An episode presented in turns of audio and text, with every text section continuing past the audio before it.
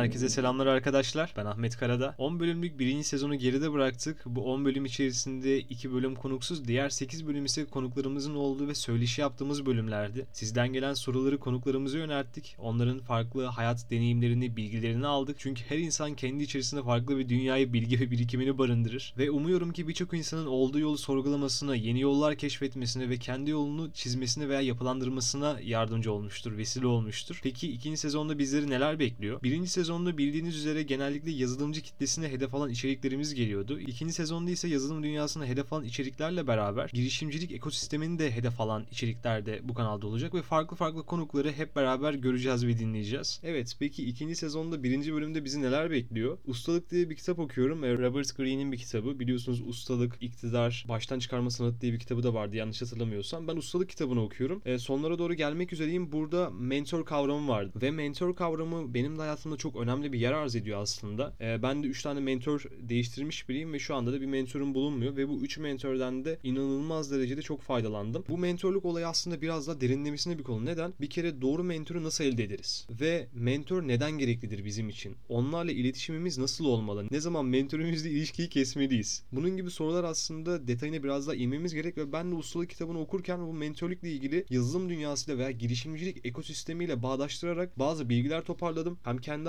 hayatımdaki deneyimler hem de bu kitaptan okuduğum bilgileri harmanlayıp hatta kitabın bazı bölümlerini de sarı kalemle çizmiştim. Onları da okuyup size aktaracağım. Ee, ben burada yazılımdan örnek vereceğim. Ama tabii her meslek içinde uyarlanabilir. Zaten bu kitapta da birçok insandan örnek vermiş. Ee, Albert Einstein'dan bile örnek vermiş. Gerçi onun mentoru yoktu ama işte mentorumuz olmazsa nasıl ilerleriz? Oradan da bir örnek vereceğiz en son. Peki o zaman başlayalım. Doğru mentor nasıl olmalı? Şimdi kitabı hemen şöyle bir elime alıyorum. O bölümü okumaya başlıyorum. Yani Mentor dediğin burada da akıl hocası diye geçiyor aslında. Bazı çoğu yerde aslında akıl hocası diye hitap ediyor. Okey çizdiğim yeri okuyorum. Akıl hocası seçerken eğilimlerinizi, yaşam görevinizi ve kendiniz için hayal ettiğiniz gelecekteki konumunuzu göz önünde bulundurun.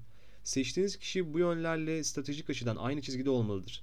Eğer devrim yaratacak bir yol izleyecekseniz açık görüşlü, ileriye dönük ve baskıcı olmayan birini isteyeceksiniz. Eğer idealleriniz kendi yaratılışınıza uygun bir tarzda çıkışıyorsa sizi bu konuda rahatlatacak, tuhaflıklarınızı bastırmak yerine ustalığa dönüştürmenize yardım edecek birini bulmalısınız diyor. Yani buradan herkes belki kendi kafasına göre farklı şeyler çıkartabilir. Ama buradaki çıkarmamız gereken bence asıl olay diyor ya burada akıl hocası seçerken eğilimlerinizi, yaşam görevinizi ve kendiniz için hayal ettiğiniz gelecekteki konumunuzu göz önünde bulundurun. Peki bu konumu bulundurmak için bu konumu bulundurduktan sonra aslında o konumdaki birini hedef alıp ve o konum içerisinde bu işi yapan insanlardan bir tanesini kendimiz mentor olarak edinmemiz gerekiyor. Tabii mentor olacak kişi de bu arada biz menti olacağız yani bu durumda. Menti ne oluyor?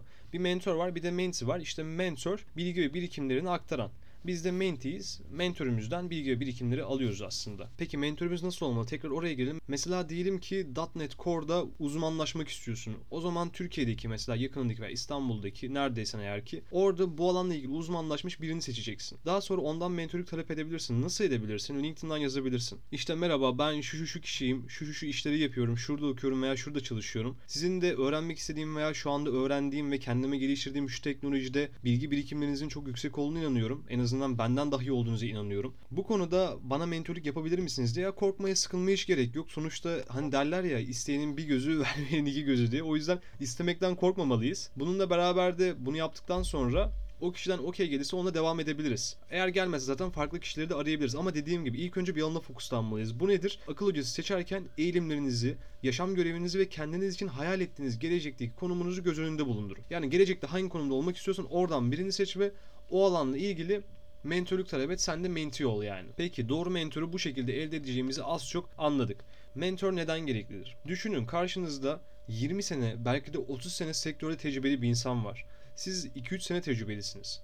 Ve bu 2-3 sene içerisinde 20 senelik bilgisi olan bir insanın size eğitim verdiğini düşünsenize. Yani eğitim demeyeyim de olur yol gösterdiğini, bilgi ve birikimlerini size paylaştığını veya takıldığınız bir yerde belirsiz ve zor zamanlarınızda size destek olduğunu, bir çıkış yolu gösterdiğini, ha ben de bunu yaşamıştım şöyle yaparsan şöyle olur vesaire gibi destek aldığınızı veya şöyle düşünün siz mesela bir teknoloji üzerine gelişmek istiyorsunuz veya farklı bir iş kolu üzerine gelişmek istiyorsunuz. O iş kolundan da birisi sizin mentörünüz. O mentörünüz size bir plan program çiziyor. Siz de ona uyuyorsunuz. Mesela benim son mentörümle olan olaydan bahsedeyim. E, 6 fazlık bir proje vardı ve DevOps projesiydi aslında. Yani 6 fazla da farklı farklı şeyler vardı. Ben her fazdan sonra mentörüme geri bildirimde bulunuyordum. Takıldığım yerlerde danışıyordum, soruyordum. Beraber akıl yürütüyorduk. O bana farklı yorumlar katıyordu ve farklı yollar gösteriyordu. Bu şekilde fazları bitirdikten sonra aslında mentörümün de benim için istediği seviyeye ulaştım. Yani siz de aslında mentörünüzle böyle bir plan çizerek bu planlar esnasında e, bu planı fazlara bölerek, adımlara bölerek her adımdan sonra mentörünüzle iletişime geçerek belki o faza ve stebe yani o faza adıma beraber bakmanız, beraber akıl üretmeniz, incelemeniz, onun yorumlarını almanız, nasıl geliştirebilirsiniz bunları sormanız çok çok etkili olabilir ve bu sayede nasıl oluyor biliyor musunuz? Yani Amerika'yı tekrar keşfetmiyoruz aslında. Ne gibi? Orada bilgi ve deneyimi olan bir insan bize bir yol çiziyor. O çizdiği yol bizim de kafamız yatarsa tabii ki abi hani şurayı şöyle mi yapsak böyle mi yapsak dediğimiz noktalar olabilir. O yoldan ilerliyoruz ve o yolun sonunda aslında o bilgi ve birikime sahip olan kişinin istediği seviyeye çıkabiliyoruz. Bu yorumu yaptıktan sonra kitapta bir iki sayfa değiştirdim ve Robert Greene'in çok güzel bir yorumuna denk geldim. Burayı da hemen okumadan geçemeyeceğim. Güçlü ve zayıf yönlerinizi ortaya çıkaracak ne kadar zor olursa olsun olabildiğince fazla geri bildirim almanızı sağlayacak engelleri size sunmalarını isteyin. Yani diyor ki güçlü ve zayıf yönlerini ortaya çıkaracak. Mesela o konuda ne kadar iyisin, ne kadar deneyimlisin veya ne kadar derinleşmişsin. Bunları anlayacak ve geri bildirim almanızı sağlayacak engeller ortaya koysun diyor. Daha sonra devam ediyor. Kendinizi eleştirilmeye alıştırın. Özgüven önemlidir ama eğer kim olduğunuz hakkındaki gerçekçi değerlendirmeye dayanmıyorsa yalnızca gösteriş ve kendini beğenmişliktir. Akıl hocanızın gerçekçi geri bildirimleri sayesinde eninde sonunda sağlam ve sahip olmaya değecek bir özgüven geliştireceksiniz. Yani diyor ki akıl hocanız size eleştiri yaparsa vesaire eleştiri yaparsa sizi incitecek yorumlarda bulunursa da bunu fazla takmayın. Çünkü hani özgüven önemlidir ama kendi bilmiyorsan bu özgüvene de gerek yok. O zaman gülünç bir duruma düşüyorsun diyor. Ondan sonra zaten akıl hocam mentörün sana gerçekçi geri bildirimleri sayesinde sen eninde sonunda sağlam ve sahip olmaya değecek bir özgüvene sahip olacaksın diyor. Yani biraz burada şey diyor gibime geldi. Hani mentörünle olan ilişkide biraz da kendi akışa bırak ya o kadar kasma.